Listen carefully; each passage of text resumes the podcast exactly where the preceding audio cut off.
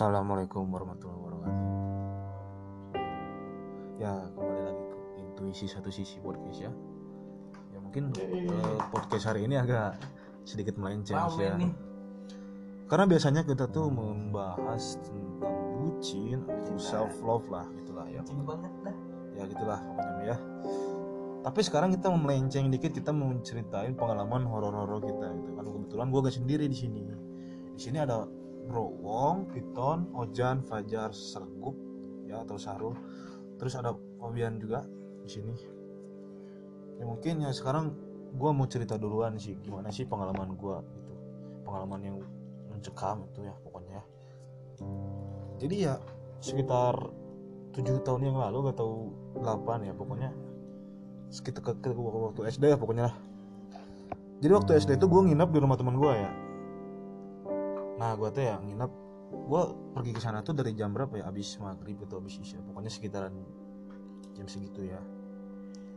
Nah ketika itu itu ya tidak ada yang aneh gitu. Gue ya ngobrol-ngobrol biasa main-main main PS atau itu kan gue masih inget nah ketika waktu menunjukkan pukul satu malam ya masih biasa aja sih gitu. Maksudnya ya ngobrol masih ngobrol gitu. Tapi ada beberapa juga yang udah tidur gitu langsung dari situ eh, sejam berselang lah. Jam 2 kira-kira.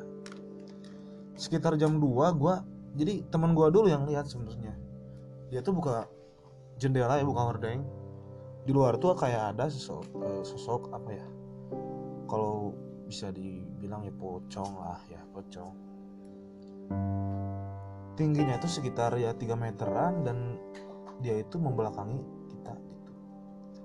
Gua awalnya gak percaya karena ya ah piraku sih gitu. Kalau kata bahasa Sundanya mah. Tapi setelah gua bohong gitu ya. ya soalnya kan kadang ada suka ada gitu kan yang bercanda. Kalau halusinasi gitu bro. Ya bisa juga. Tapi pas gua lihat ternyata gitu seriusan. Ada pocong bro. Di dia menghadapnya ke pohon-pohon jambu ya. Nggak tahu lagi ngapain dia. Bingung gue juga. Pokoknya abis dari situ gue keringet dingin gitu. Gue merinding sumpah itu apa ya pengalaman pertama gua sih itu ngeliat sih. Sumpah. Terus ya eh, singkat cerita ya. Sekarang gua mau nyeritain yang ini yang explore juga gua mengalami sih. Waktu awalan gua explore gua eh, ke salah satu tempat wisata yang terbengkalai di Kabupaten Bandung Barat ya tepatnya. Cihideng gua ke sana itu hari pertama itu memasuki tempat wisata itu kan apa ya kayak eh, turunan gitu ya mudun pokoknya banyak pohon-pohon yang rimbun. Terus ya memang hawanya udah beda dari awal juga soalnya. Karena apa ya sudah mendingin gitu si badan kita tuh kena angin malam anjay. Terus Dingin ya, dingin banget Kalau lagi hati. Hati lu hati lu kali anjay. Ya pokoknya udah mau dingin gitu ya. Terus ya emang mencekam juga gitu suasananya tuh gitu. Pohon-pohon rimbun. Nah pas ke bawah udah nyampe di tempat ya gua parkir motor di salah satu tempatnya lah di bawah. Di waterboomnya ya yang sudah tidak terpakai. Gua mendengar kayak suara apa ya kayak suara burung sih. Burung hantu gitu. ya kayak burung hantu. Kan Oh, kita bareng kan? Pokoknya kayak burung hantu tapi beda kalau burung hantu itu ya memang sekilas mirip sih tapi ya ini agak berbeda sih menurut gua. Soalnya lebih meling melengking. Ya melengking pokoknya. Ya cuman anggapan positif anak-anak pertamanya burung kan? ya cuman setelah di telah lebih dalamnya usutnya usut. Ternyata itu tuh beda gitu. Ya gak tahu juga sih mungkin kucing tapi ya masa gitu. Soalnya suaranya tuh apa ya jauh. Jauh banget terus sekali-kali gitu. Dan jadanya tuh lama. Pokoknya. Ya gue menyimpulkan sih ini gak tahu gue yang gimana. Pokoknya gue ini kayaknya suara kunti. Jujur ya. Ya kalau kayak suara kunti yang ketawa terbahak-bahak haha ya memang sih mungkin ada. Cuman menurut gue itu cuman fiktif sih. Itu banyak dia cuma di film-film gitu. Gitulah pokoknya. Paling segitu doang lah. Coba yang yang lain mau ada yang ini? Mau cerita juga berbagi pengalaman? Ya mungkin ya perkenalkan nama saya Piton. Nama saya Ocha cuman sering dipanggil sama anak-anak Piton. Ya karena kamu mirip ular ya Kenapa bisa gitu ya? tapi sama cewek aduh pacok ya. Mungkin ini pengalaman antara dua tahun yang lalu saat sekitar ya. Ya lebih tepatnya waktu tahun baru akhir Desember mungkin Januari. Waktu itu keluarga gua tuh me- pergi pantai ke pantai selatan. Nah kenapa gak ke utara sekalian itu? ya saya juga kurang tahu. Oh iya lanjut. Udah gitu saya kan telat bangunnya ceritanya. Ya anak biasa anak muda. Ya. Tahu-tahu keluarga saya semuanya udah di sana. Terus ternyata eh, gua kira lu di rumah sendirian bro. Ya saya di rumah sendirian. Oh iya. Terus abis itu lanjut, lanjut. gue inisiatif buat nyusul keluarga gue sekitar jam 5 sore. Saya melewati salah satu tempat di selatan Bandung. Lebih tepatnya tempat-tempat rekreasi kalau siang-siang sih enak buat nongkrong-nongkrong gitu Ya. di kebun teh gitu. Cuman nggak tahu kenapa waktu sore-sore hawanya sepi tambah saya waktu nyampe ke kebun teh eh, minim penerangan jalan. Ya. makanya agak mencekam juga. Udah mah lampu motor kamu gak, gak, gak, gak nyala ya? Ya nggak nyala soalnya ya. Maaf ya motornya motor buat balap doang sih. Cuman saya paksain buat pergi pantai habis itu waktu nyampe kebun teh sekitaran jam setengah tujuh kalau nggak eh kalau nggak jam 6 gitu. Sekitaran segitu ya? Ya waktu di pinggir kebun teh tuh saya lihat kayak kakek-kakek gitu lagi jalan ya saya kira itu pulang tani gitu di kebun teh ya saya positif aja gitu. Waktu saya deketin saya mau ngasih tebengan ternyata itu udah nggak ada gitu ya saya positif aja. Ya kali halusinasi saya karena capek atau apa. Nggak selang lama waktu jam 8 udah agak mau deket pantai itu kabut mulai tebel. Dan di situ juga udaranya makin dingin tambah ini kan lampu makin redup karena kabut. Gak selang lama tuh banyak suara-suara aneh yang keluar. Gak tahu burung atau apa soalnya saya posisinya ada di tengah hutan gitu. Jadi kiri kanan jalan lu itu pohon-pohonan semua pohon-pohonan tambah di kanan tuh kan jurang juga. Ya di situ makin mencekam juga. Dan itu pengalaman gak akan gua lupain. Karena nggak nggak nggak bakal sesering itu juga kali ya. Lu ngalamin kayak gini. Iya. Itu gua nggak akan ngulangin lagi sekali-kali lagi. Duh, tuh karena motor lu sekarang udah harunkan ya bro. Iya Jadi nah itu bakal bro. makin lanjut lanjut makin lama gua di perjalanan tuh gua kayak dikeliling-kelilingin gitu. Jalannya nggak nyampe-nyampe nggak tahu kenapa. Padahal kalau siang-siang tuh kerasa cepet cuman itu hampir makan waktu 5 sampai 6 jam. Padahal itu jaraknya nggak terlalu jauh juga. Habis mau mau nyampe ke pantai itu ada satu kejadian lagi. Waktu gua ngelewatin hutan pinus. Apa tuh waktu gua ngelewatin hutan pinus ada yang terbang di atas gua. Itu putih-putih nggak tahu apa. Burung Soalnya- merpati mungkin? ya kalau burung merpati itu kecil bro. Ya. Ini kayak kain gede gitu kain-kain putih itu terbang di terbang. atas. Ya kalau jemuran terbang tuh kan masih di kisaran rumah warga. Ini ini di tengah pohon pinus. Baliho ya, setan baliho. mungkin setan baliho ya bro. Ya mungkin saya juga kurang tahu ya. Kalau itu Terbangnya. terus ada satu pengalaman lagi nih waktu explore pertama kali sama anak-anak. Waktu di lantai tiga di salah satu tempat wisata di kota Bandung. Lebih tepatnya di Cihideng.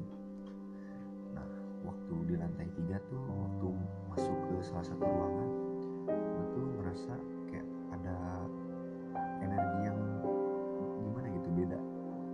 Cuman anak-anak tuh nggak ada yang ngerasain soalnya mereka lagi sibuk bikin video. Nah salah satu temen gue tuh ada yang nyadar juga ini vibe-nya beda. Nah gue nggak langsung beda? Iya soalnya ini be- langsung gimana ya? Kayaknya beda aja gitu. nah gue langsung ngobrol pelan-pelan kan sama dia. Iya. nah udah gitu gue nggak langsung nyerita gue nyeritanya langsung di tongkrongan. Pas pulang gue nyerita ternyata bener itu ada. Soalnya itu bener-bener beda kayak ada yang ngikutin kalau nggak ada yang ngeliatin gitu. Soalnya posisinya deket kamar mandi juga. So- Jakarta nah waktu di kamar mandi tuh ada satu kejanggalan juga tuh. Kayak sih? ada yang ngegeser-geser barang gitu deh. Gue lupa ini mau nyeritain cuman nggak sempet aja ya mungkin segitu aja sih pengalaman gue ada yang lanjut lanjut aja lah langsung siapa lagi nih Oke, kembali lagi bersama kami, my bro home is the fucking legends. come on man Ya pengalaman gue cukup sedikit creepy dan funny funny gitu. Karena pengalaman gue tuh kebanyakan horor dibarengi dengan bercanda-canda gitu. Gue punya satu pengalaman yang menurut gue ini paling creepy dan paling horor gitu ya dalam hidup gue. Waktu itu gue pernah ke salah satu tempat yang konon katanya tuh dulunya tempat bioskop dan entah bagaimana ceritanya tuh tiba-tiba terbengkalai begitu aja entah itu karena pengurusnya nggak benar atau ada satu kejadian yaitu gue gak tahu. Yang gue tahu ya itu udah kosong begitu aja terbengkalai tanpa ada satupun barang-barang yang tersisa. Yang tersisa tuh cuman tembok. Cuman ya beberapa peralatan-alatan bangunan seperti sekop yang kayak gitu-gitu mungkin kulinya lupa. Gue ke sana bareng teman-teman gue bertujuhan entah itu siapa namanya gue lupa lagi. Yang gue ingat ada di sana ada beberapa teman halusinasi gue yang bernama Upin dan Ipin. Ya memang bisa dikatakan itu konyol tapi itu nyata. Yaitu Upin Ipin tuh konon katanya kayak harimau. Berupa harimau tapi kembar. Yang dibedainnya tuh cuman yang satu punya tanda titik di dekat mulut yang satu enggak. Gue ke sana pukul 11 malam dan di sana gue mulai memasuki basement. Ya kayak biasa mencari-cari yang hal-hal yang aneh dari bawah dulu. Ketika gue naik ke lantai 7 di situ ada satu pengalaman yang menurut gue bikin jantung gue mau lepas tapi nggak bisa mati lah iya makanya nggak bisa nggak bisa lepas. Ya. di sana gue melihat kayak sosok disebut kunti tapi bukan disebut pocong bukan. Jemuran kali bro. Kayaknya tuh jemuran tapi gue ngelihatnya emang jelas banget aduh gue nggak ngerekam soalnya gue panik di situ.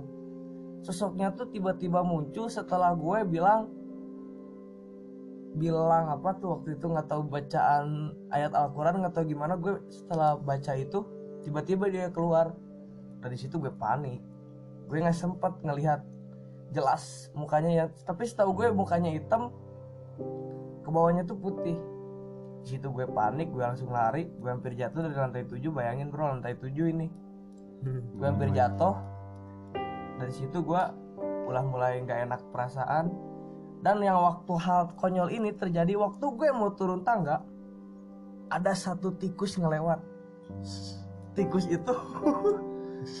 Tikus itu ngelewat banget depan kaki gue udah tadi pertama ada hantu yang sekarang tikus. Udah di situ momen-momen itu aduk campur lah teraduk campur dengan ketakutan dan kekonyolan itu tapi itu paling creepy banget sih sumpah. Ya menurut gue pengalaman gue cuma sedikit sih gitu doang. Mungkin udahlah. Teman-teman lain juga siapa tahu ada yang punya pengalaman horor mungkin kali di sini gue bakal ceritain eh, pengalaman horor gua. Ya lebih tepatnya mistis ya berhubung ngomongin bisnis kan? Ya Jadi nyambung kan. angker ya. Sedikit nggak ada masalah hati kan? Ya. hati aman. Aman aman. Jadi waktu itu gue lagi di rumah sendirian kan. Apa enggak karena lu jomblo ya ya enggak lanjut lanjut lanjut lanjut lanjut lanjut lanjut lanjut lanjut ini lagi konteks horor bro oke kan ya ya waktu itu lagi sendiri kan gue tuh di rumah eh, berdua sih sama ibu karena ibu lagi sendiri kerja, kan. gimana lagi keadaan kerja kan oh iya ini lagi nggak ada ya iya otomatis gue sendiri kan udah masakan itu tuh sekitaran jam 5 sore sampai setengah enaman lah. Senja berarti ya? Ya oh, kenapa kamu nggak menikmati senja? Sama apa ya? lagi karena gue gak suka senja bro. Oh nggak suka senja. Nggak suka lanjut ngopi lanjut ya? lanjut. Nah, nah udah gitu. Banyaknya patah hati. lanjut lanjut. Jangan masuk ke manjang lanjut lanjut. Lanjut lanjut bro. Beda beda bro bro lanjut bro. Bukan Sorry, bro, bro. seleb bukan love self love oh, ya nah, coba lanjut lanjut lanjut. Posisi gue tuh lagi tiduran sambil nonton TV gitu. Bro. Nah kan dari apa tempat gue tidur tuh kelihatan dapur kan? Nah di dapur itu tuh ada satu celah lubang di atasnya. Ya kalau mungkin bisa disebut para ya kalau misalkan bahasa Sunda mah nah di situ tuh ada satu barang eh, kaset CD ya soalnya emang sih waktu gue pindahan gue simpen barang-barang yang gue pakai di para itu. Nah ada satu CD jatuh ke bawah dan gue cari tahu asal usul CD itu kenapa bisa jatuh. Nah ternyata ada dua bola mata yang bersinar gitu. Gue kira itu kucing tapi setelah gue gue lihat terus menerus nah ternyata itu ternyata apa itu? Kok anjing oh ya lanjut lanjut lanjut. Anjing bukan bro? Bukan bro. Bukannya kan Jadi, anjing Bukan. binatang? Kalau disebut binatang bentuknya kayak anak kecil. Botak gitu. Ya, bukan mungkin binatang. Upin ya sih. Ya, bisa disebut lah itu loyot Kayak tadi kodang gua kayaknya. ya gitu lah. nah kalau pakai misalkan kolor nggak? Itu gue kurang tahu soalnya kurang kurang jelas juga lihatnya jelas, ya, terus. nah. Kayaknya lagi di poin. Ya mungkin. Terus pengalaman gue waktu explore itu eh, mungkin sedikit ya kalau misalkan di explore tuh seremnya sih ada cuman ya terlalu banyak. Salah satu contohnya yang waktu gua ke salah satu bioskop terbengkalai di Bandung. Ya mungkin di basement itu ya. Di basement tuh ada satu tenda warna putih nih. Kita tuh keadaan lagi bertiga sama temen gue lah. Waktu gue mau bikin konten di sana gue tuh lagi posisi video lagi pegang kamera nah yang di depan tuh teman gue doang berdua. Nah habis gitu teman gue mau ngintip ke tenda tiba-tiba si tenda itu tuh bergerak bergerak sendiri. Otomatis kita kabur lah ya. Ya nah habis gitu tuh kita laporan lah ke apa? Polisi. Enggak kan ke ke rekan-rekan kita yang ada di atas itu kan. Oh ya itu barusan di bawah gini gini gini. Ya udah gua sama teman gua Bro Fajar Ya. Kita selidiki lah ke bawah. Nah habis gitu gua center dari jauh. Fajar udah di depan. Gua center center center nah ternyata eh ternyata itu kucing bro. Gue kirain PSK lagi cari apa? Sumpah gua, gua kira apaan itu kucing anjir. Ya, kaget lah di situ kita.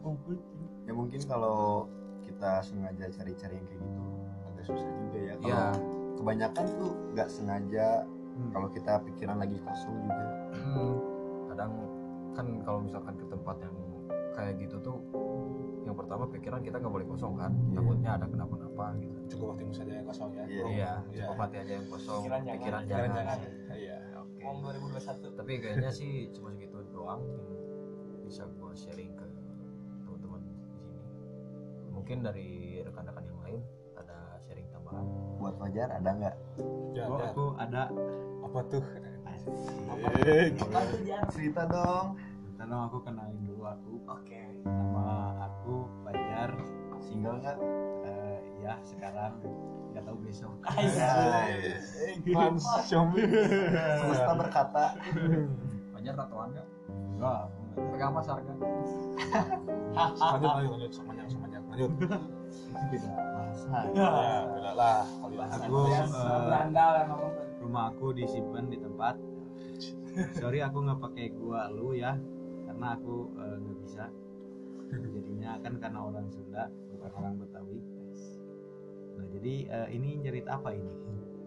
Ya pengalaman. Iya, pengalaman pengalaman mistis ya jadi eh, aku ingin bercerita tentang pengalaman aku waktu aku ke suatu tempat dengan teman-temanku. Eh, waktu itu aku ke sana bareng banyakan dan ada juga host di sini namanya yang Abdul Aziz. Ya gua. Abdul Aziz katanya kata yang tadi mah. Cuman aku nyebutnya Aziz aja ya. Ya. Nah, waktu itu kan kita bersama ke sana ke suatu tempat yang namanya gedung bioskop terbengkalai yang katanya cuman aku lihat eh, gedung itu kayak gedung yang sudah lama tidak terpakai. Dan di sana kita eh, pertama-tama kita disuruh bayar emang nggak ada mahal. Ternyata ya ternyata.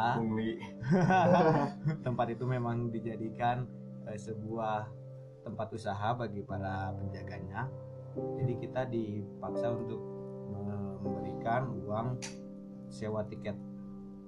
Yang awalnya itu 500.000 kita kasih jadi 150.000 berkat eh, negosiasi yang ketat. Nah waktu itu kita berangkat tujuh orang kalau nggak salah. Paling ya kurang lebih 8 lah kalau lebih satu kalau kurang satu 6 nah, nah, waktu itu kita bertujuh kita naik ke atas lantai dua. Di sana kan kita eh, biasa kita perkenalan dulu terus itu kita eh, istilahnya mengitari dulu tempatnya. Oh ternyata memang agak seram menurut saya.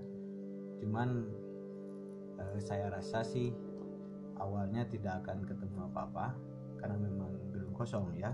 Kalau gedung rame kan. Baru udah ngomong mall. Itu mall. Ya. Depannya tapi mall. Depannya mall sih. Soalnya ada itu posisinya di tengah-tengah kota. Ya mall besar tapi konon katanya di gedung itu katanya ada yang bunuh diri dulu Hmm.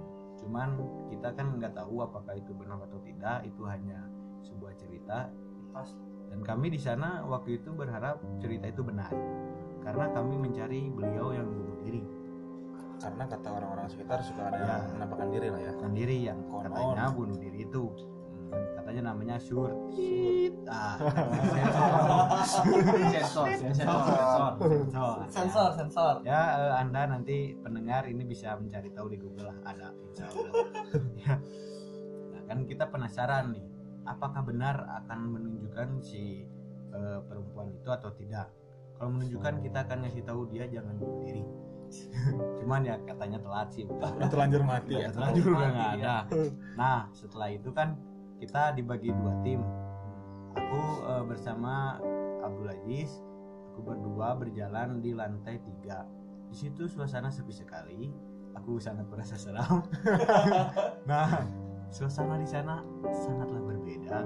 Bulu kuduku merasa berdiri bersama berinding dan rasanya seperti hati yang kesepian.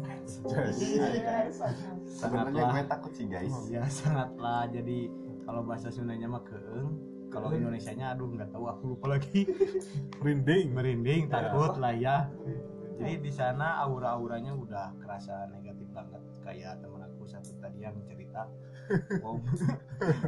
Auranya. Soalnya kayak negatif. Cuman insya Allah jadi positif lah. Amin amin ya. Nah setelah itu kan kita mengambil tag video itu berdua. Di sana kita eh, mencoba hal-hal yang memang kurang sopan sebenarnya. Kita bernyanyi nyanyi ria.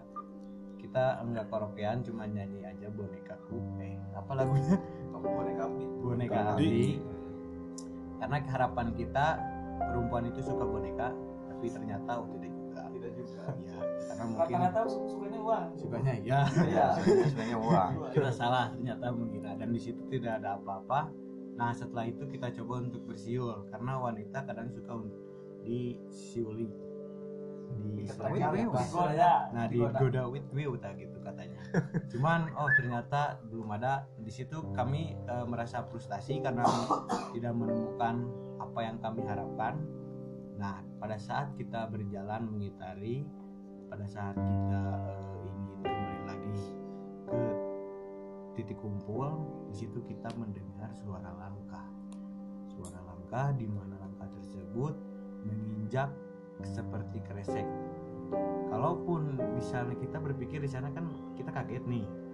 Nah di sana kita berpikir kalaupun misalnya ada tikus langkahnya tuh kan gugurusukan kalau bahasa Sundanya rusuk cuman di situ langkahnya seperti langkah manusia jadi langkah manusia yang menginjak kresek nah begitulah teman-teman bisa dibayangkan sendiri.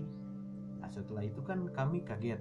Di situ kami ketakutan tapi alhamdulillahnya kami tidak panik dan tidak lari. Kami berjalan santai karena kami mengira ada tim yang naik ke atas. Dan ternyata setelah diperiksa ke sumber suara ternyata di sana tidak ada siapa-siapa.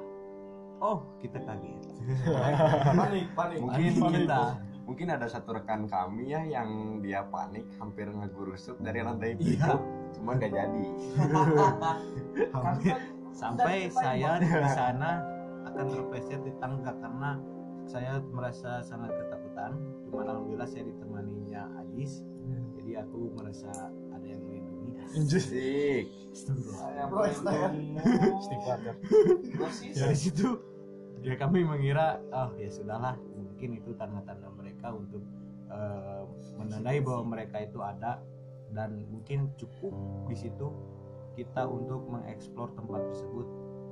Nah di situlah kita kembali lagi ke titik kumpul dan cerita saya di situ selesai dan tidak ada lagi menemukan sesuatu yang hal-hal aneh. Paling itu saja. Tapi itu merasa saya menjadi takut. Terima kasih. Tapi saya tetap takut kepada Tuhan yang Maha Esa. Ya. kita terima kasih. Mungkin dari situ kita bisa menafsirkan sendiri. Mungkin yang hal-hal seperti itu emang ada cuman kita jangan terlalu meyakininya. Ya. Kita tetap harus meyakini kepada Tuhan yang Maha Esa kepada Allah Subhanahu Wa Taala. Benar Dan- benar sekali. Jadi kita harus tetap menghargai mereka jangan istilahnya kita eh, meledek mereka jangan jangan takabur jangan takabur kita harus menghargai mereka bahwa mereka juga makhluk Tuhan. Mungkin dari saya terima kasih nanti kita lanjut lagi ya di episode selanjutnya kalau saya dipanggil terima kasih semoga dilanjut Oke, yang tadi kan udah selesai. Sekarang saya Sahrul ya, biasa dipanggil Sergap. Saya sih gak terlalu ada banyak pengalaman mistis atau horor gitu. Tapi saya pernah mendengar cerita ya. Teman saya waktu itu dia mengalami hal mistis ini dari umur 5 tahun sampai hampir ke 12 tahun lah. Jadi setiap malam itu dia selalu mendengar suara itu ya seperti suara entah itu decitan pintu atau lemari tiap malam itu. Entah itu ada suara kerasak atau ada suara wanita. Tapi teman saya juga tidak tahu itu apa. Tapi saat dia beranjak dewasa saat dia pindah jadi dia tidak sekamar dengan orang tuanya suara itu sudah hilang. Tapi saya pun juga ingin bertanya kepada dia saat itu. Ada apa gerangan sih kawan seperti itu saya tanya kenapa sih? Ya mungkin ada apa gitu. Ataukah dirinya dihantui atau apa? Atau mungkin dia ketumpangan gitu bahasa Sundanya tapi ternyata tidak. Tapi setelah saya pikir-pikir setelah dia tidurnya berpisah dengan orang tuanya suara decitan ranjang sudah tidak ada. Ternyata eh ternyata. Bentar-bentar itu di Citan Ranjang seperti apa tuh suaranya? ket ket ket ket ket. Nah, dari umur lima tahun dia selalu mendengar itu. Katanya juga ada suara perempuan kadang ada suara laki. Itu seperti apa suaranya itu? itu sumber suaranya dari mana itu? Dari mana itu? dia kata dia tahu saat dia menengok ke sebelah kanan dia ternyata apakah tidak ada apa-apa. kamar kedua orang tuanya? Bukan katanya. Jadi kan dia itu pada umur 5 tahun sampai 12 tahun dia tidur dengan orang tuanya. Jadi orang tuanya di atas ranjang dia di bawah ranjang. Oh Nah, sumber suaranya di mana? Iya. Dari atas ranjang dia pun juga saat itu mungkin sudah terbangun. Dia melihat ke bawah atau ke bawah kolongnya kolong kasur. saat menengok terus biasanya kepala atau apa? Bukan. Ternyata nggak ada apa-apa. Mungkin katanya jin ifrit atau apa yang di bawah kasur ternyata nggak ada ya mungkin teman-teman jangan ambigu ya. Jangan ambigu. Tapi dia kaget pada saat itu. Kaget? Oh kok nggak ada apa-apa? Tapi tiap malam ngedengar suara itu. Seram sekali berarti ya. Seram sekali tiap malam. Tapi setelah dia tidur tidurnya maksudnya berpisah dengan orang tuanya suara itu sudah tidak ada lagi di otak dia di benak dia di saat dia terbangun atau apa tapi itu menurut saya hal yang sangat mistis yang dialami dari umur 5 tahun sampai 12 tahun. Saya juga saat bertanya kepada dia saya tidak bisa menyimpulkan bahwa itu jinkah atau setankah tapi mungkin pendengar yang bisa menilai boleh. apa? Suara apakah itu boleh mention juga di sini? Atau bisa ingin atau ingin memulai lagi cerita saya nanti sampai sekarang itu belum terungkap hal mistis itu. Tapi mungkin cukup saja dari saya. Kalau ada yang bisa jawab nanti boleh.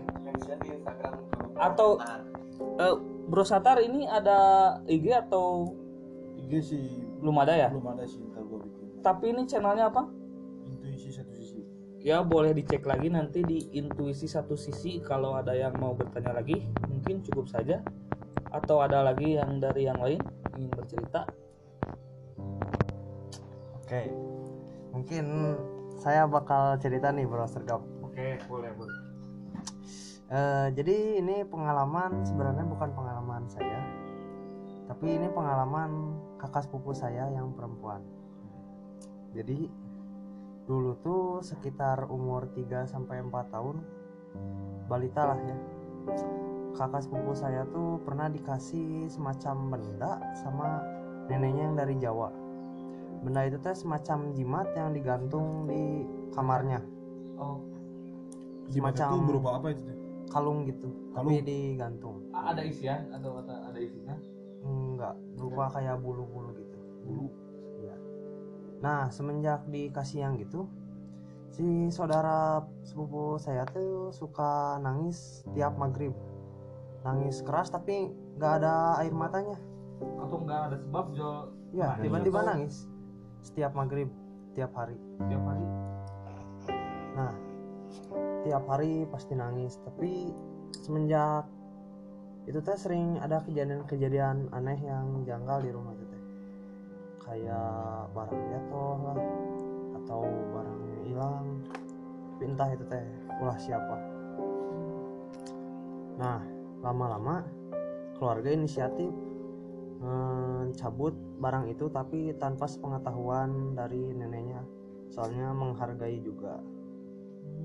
Setelah benda itu disingkirkan dicabut atau dihilangkan? ya mulai gak ada. Kejadian-kejadian aneh. Terus yang nangis-nangis itu juga udah tidak ada. Jadi kayak kelihatan cuman nggak nampak gitu iya entah dari entah penyebabnya gara-gara kalung itu atau mengundang atau gimana saya juga tidak tahu. Ada lagi kayaknya tambahan dari saya ini pengalaman saya pas di dulu di pesantren. Oh bro pernah pesantren? Pernah. Sungguh baik ya. Saya tidak menyangka bro. Pesantren. Bro Ya, silakan. lanjut lanjut. Jadi itu teh pesantren daerah Bandung pesantren baru dan dulunya itu hutan.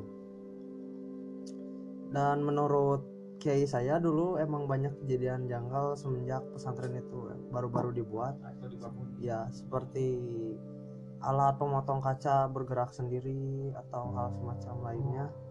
Tapi pengalaman saya yang pribadi alami adalah waktu saya tidur saya tiba-tiba erup-erup erup-erup oh maksud, maksudnya erup-erup itu dalam bahasa Sunda teh dalam bahasa Sunda erup-erup dalam artinya bahasa kayak Indonesia kejang-kejang gitu seperti tidur tapi setengah tidur. sadar gimana? oh tapi kita tidak bisa menggerakkan seluruh anggota tubuh bahkan nangis berteriak pun tidak bisa Tapi bro itu dalam mata terbuka atau Nah, terpejam? dalam mata terbuka Terbuka. Nah, pas kejadian itu saya tiba-tiba melihat di kaca lorong ada sesosok tinggi putih, mukanya hitam. Tapi saya berusaha untuk memejamkan mata tapi tidak bisa.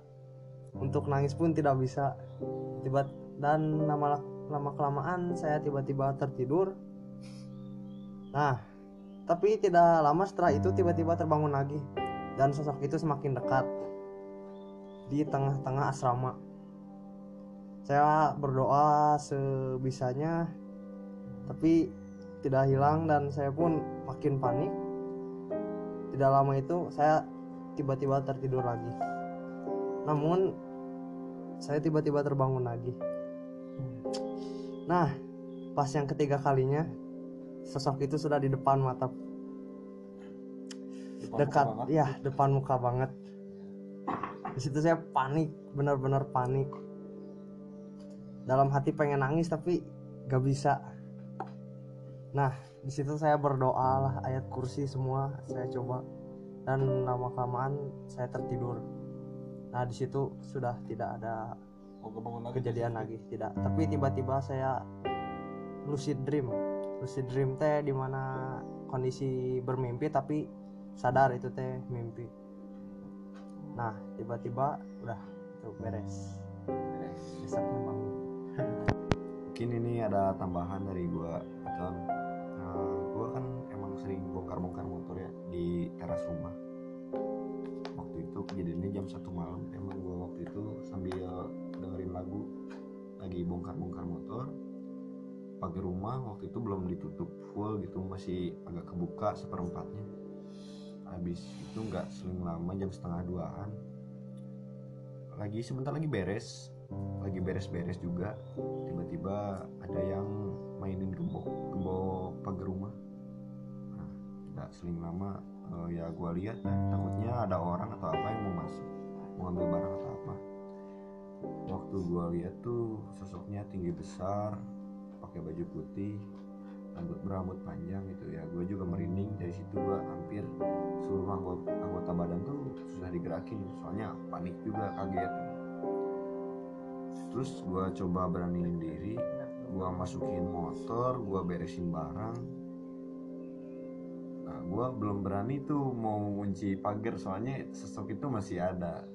Gue mau panggil orang tua cuman nggak tahu kenapa orang tua gue tuh susah dibangunin. Nggak tahu emang karena capek paginya habis kerja nggak tahu kenapa juga.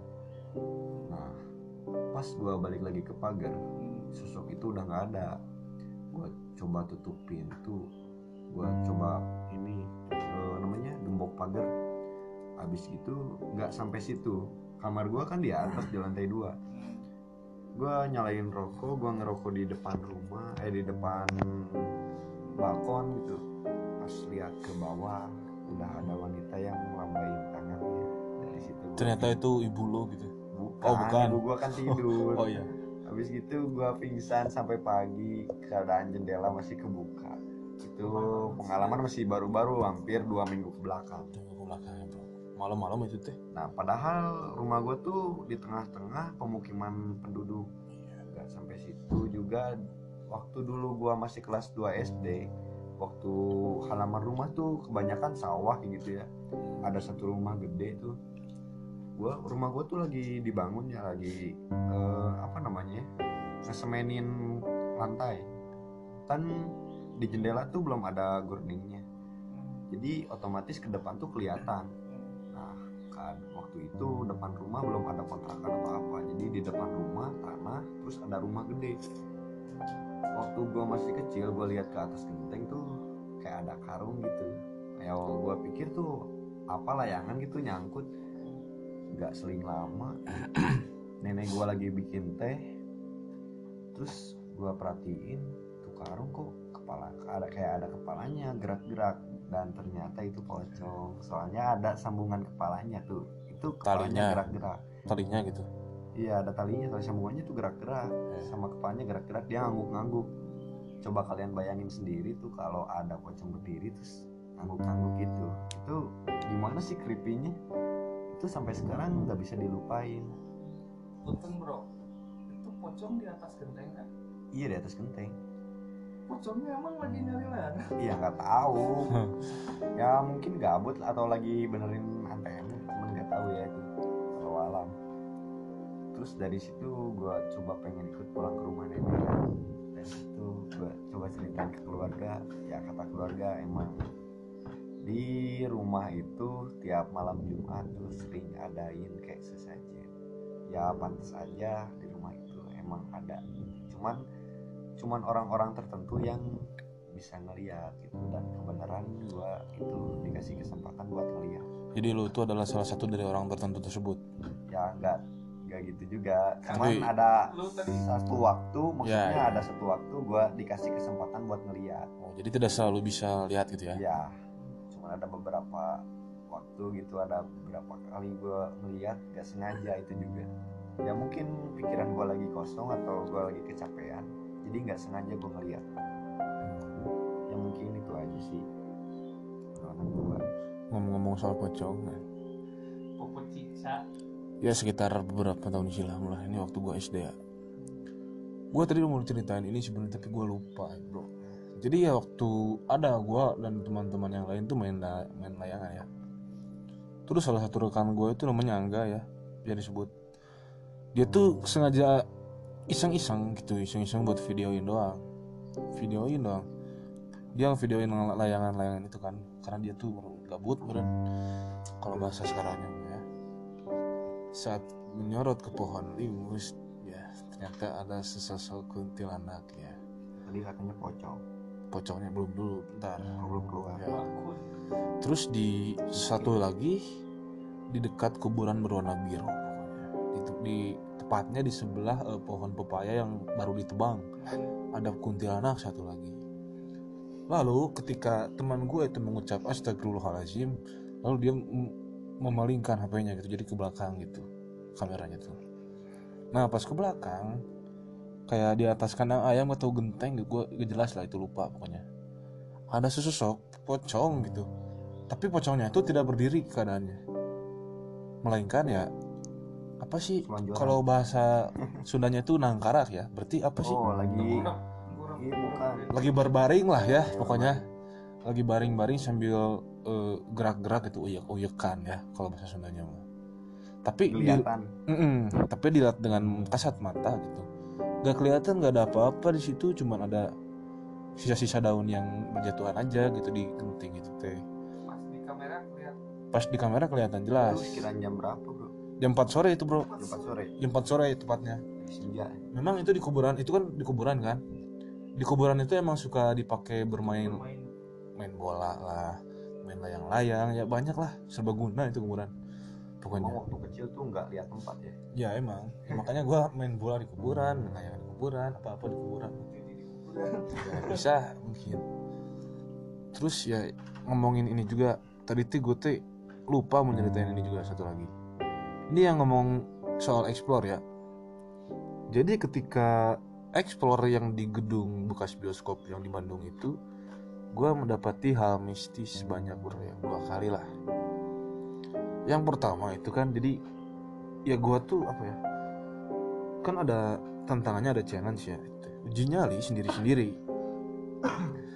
Tatkala gua ke lantai tiga ya kan lantai tiga itu teh mitosnya di gedung itu kan ada yang bunuh diri kan. Tepatnya emang benar di lantai tiga gitu. Jadi emang suasana di lantai tiga itu emang mencekam gitu bro. Beda dari lantai satu dua atau seterusnya. Tiga itu sangat-sangat wah beda pokoknya. Gua coba keliling-keliling sambil bersiul lah. Pokoknya ya seperti seorang peserta yang sedang uji nyali pada umumnya lah. Ketika tidak lama kemudian gue agak sengaja gitu. Gue gak ngerti gue kan temen gue itu berdua kan nungguin tuh di deket tangga gitu. Sementara dari tangga ke dalam itu ya lumayan lah lumayan jauh lah. Ada suara seperti apa ya? Suara seperti keramik di alung. Kencang dilempar. Dan kebetulan gue ngerekam gitu itu video itu dan masih ada gitu. Belum gue hapus. Terus gue tuh di situ ya merinding lah. Gue jelas lah kaget juga. Tapi alhamdulillah gue gak panik. Jadi aman gitu terus gue nanya ke temen gue yang berdua itu lu lu berdua mainin itu gak eh, keramik gitu di alung-alung? Enggak gue kira lu Cina katanya gitu. Wah aing di situ sudah apa ya gue di situ udah gak karu-karuan lah pokoknya. Jadi gue takut sih guys. ya, ya gue takut sumpah. Ya takutnya itu disebabkan karena kaget gitu. Jadi ya bener lah itu pure takut gue sumpah asli. Ya gue cuman mau nambahin itu sih. Ya gue tadi cuman kelupaan doang. itu sedikit. Ya mungkin ya cerita teman dari gue tadi ya sekalian menutup eh, podcast kita hari ini ya mungkin. Ya. kita lanjut di lain hari. Mungkin ke depannya kita bikin video lagi ya guys. ya nanti ya eh, selain podcast ya gua itu ada YouTube. Jadi gua ntar eh, pakai dua akun lah tapi dengan namanya yang berbeda sih ntar gua share share lah linknya di laman podcast gua. Ya mungkin sekian ya eh, dari gua. Ya salam sejahtera semuanya. Selamat malam. Intu di satu sisi. Mantap ya. Assalamualaikum warahmatullahi wabarakatuh